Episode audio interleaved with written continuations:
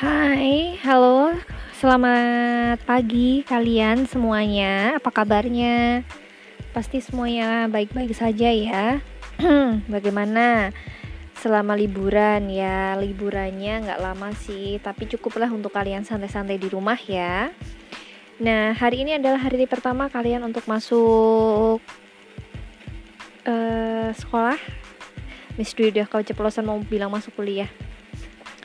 Hari ini apa hari pertama kalian masuk sekolah dan tentunya akan menjadi awal bagi kalian untuk menyesuaikan kembali dari liburan kalian, dari hal-hal yang harus kalian lakukan santai-santai dan sekarang kalian harus bangun pagi jam 7 harus sudah siap-siap devotion, harus udah menyiapkan diri dengan seragam, tapi semuanya harus kalian lakukan dengan semangat ya. Oke. Okay uh, podcast Miss Dwi hari ini Miss Dwi ingin mengulas kembali kemarin kan sebelum kita melakukan uh, ulangan kenaikan kelas kita kan sudah sedikit-sedikit mengintip mengenai uh, materi kelas 11 kan ya jadi uh, kita akan ulas aja pelan-pelan supaya kalian juga nggak bosen oke okay? nah uh, Miss Dwi akan mengulangi kembali untuk bab satunya kita akan belajar dari KD 3.1 yaitu mengenai letak geografis Indonesia. Nah, pasti kalian sudah eh, nggak uh, asing lagi dengan hal tentang letak dari geografisnya Indonesia ya. Nah, Miss Dwi akan membagi menjadi beberapa bagian nanti uh, kalian dengarkan, kalian pahami aja dulu. Nanti kita selanjutnya akan hari esok kita akan uh, belajar menggunakan Google Meet ya supaya kita bisa saling uh, diskusi. Oke. Okay. Yang pertama, Miss Dwi akan membahas mengenai letak, luas, dan batas wilayah. Kita sempat belajar ini ya. Kalau kalian masih mempunyai rekamannya, recordingnya yang kita pernah apa pernah bahas di semester lalu boleh sambil dengarkan ya maaf kalau Miss Dwi batuk-batuk terus tenggorokannya lagi gatel oke letak dan luas serta batas wilayah di Indonesia nah sebelum kita akan masuk ke situ kita mau belajar mengenai letak astronomis dari Indonesia. Tapi sebelumnya lagi kita mau tahu ya tentang pengertian dari letak astronomisnya itu apa. Jadi letak astronomis itu adalah letak suatu objek atau wilayah berdasarkan garis, bujur, dan garis lintang. Hayo, masih ingat nggak uh, letak astronomisnya Indonesia? Ya, letak astronomis Indonesia berada di 95 derajat bujur timur sampai 141 bujur timur 141 derajat bujur timur ya dan 6 derajat lintang utara sampai 11 derajat lintang selatan. Berdasarkan letak astronomisnya, Indonesia itu berada di garis katulistiwa dan berada pada iklim tropis.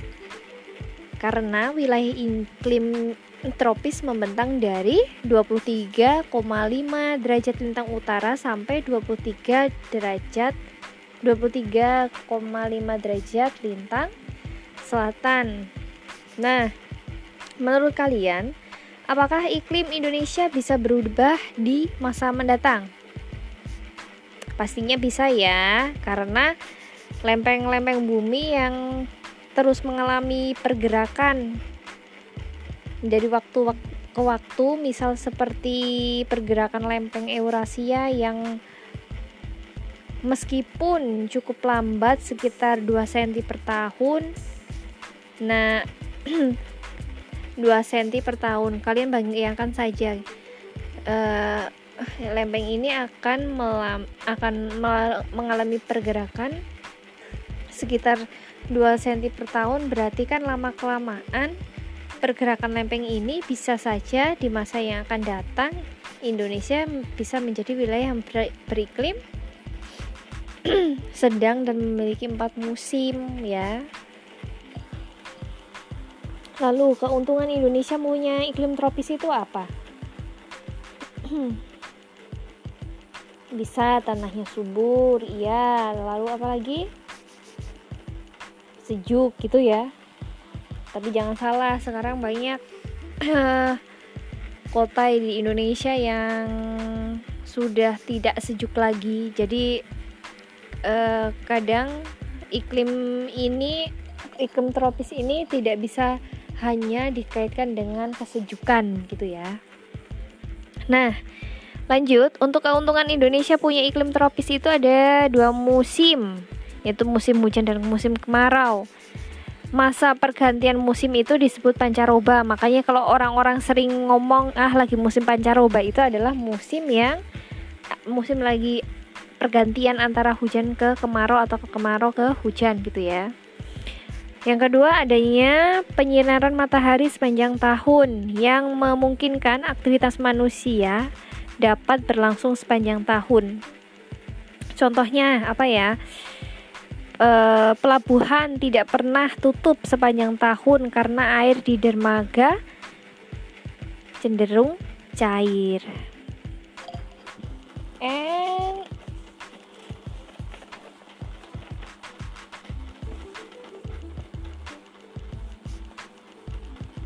Keuntungan lainnya apa aja? Selain itu, mempunyai perairan laut yang hangat dan mempunyai beragam biota laut. Selain itu, ada suhu udara yang tinggi dan perubahan suhu yang relatif stabil.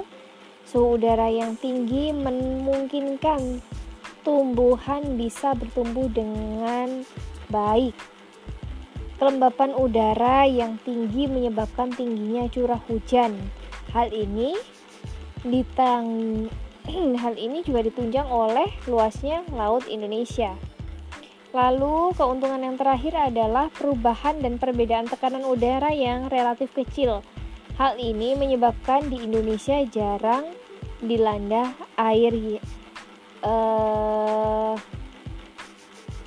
kayak apa itu namanya angin muson yang atau angin yang kecepatannya tinggi gitu loh itu jarang terjadi di Indonesia nah Indonesia kan tidak hanya terletak di garis lintang tetapi juga terletak di garis, bujur nah garis bujur itu kan berada pada 95 derajat bujur timur sampai 141 bujur timur oleh karena itu wilayah Indonesia terbagi menjadi tiga zona waktu. Berarti bujur timur itu membagi kawasan Indonesia menjadi bagian barat, bagian tengah, dan bagian timur.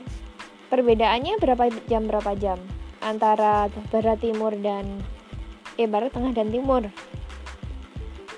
Satu jam ya. Jadi kalau eh kalau Lampung, Sumatera masih mengikuti bagian mana?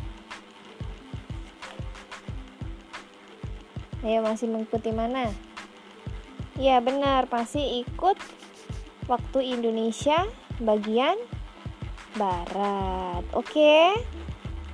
Jadi, untuk podcast kali ini hanya sampai di sini aja. Untuk uh, selanjutnya kita akan masuk ke uh, diskusi ya besok ya kita masuk ke diskusi kita akan pakai Google Meet.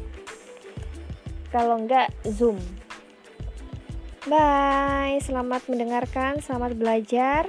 Tuhan Yesus memberkati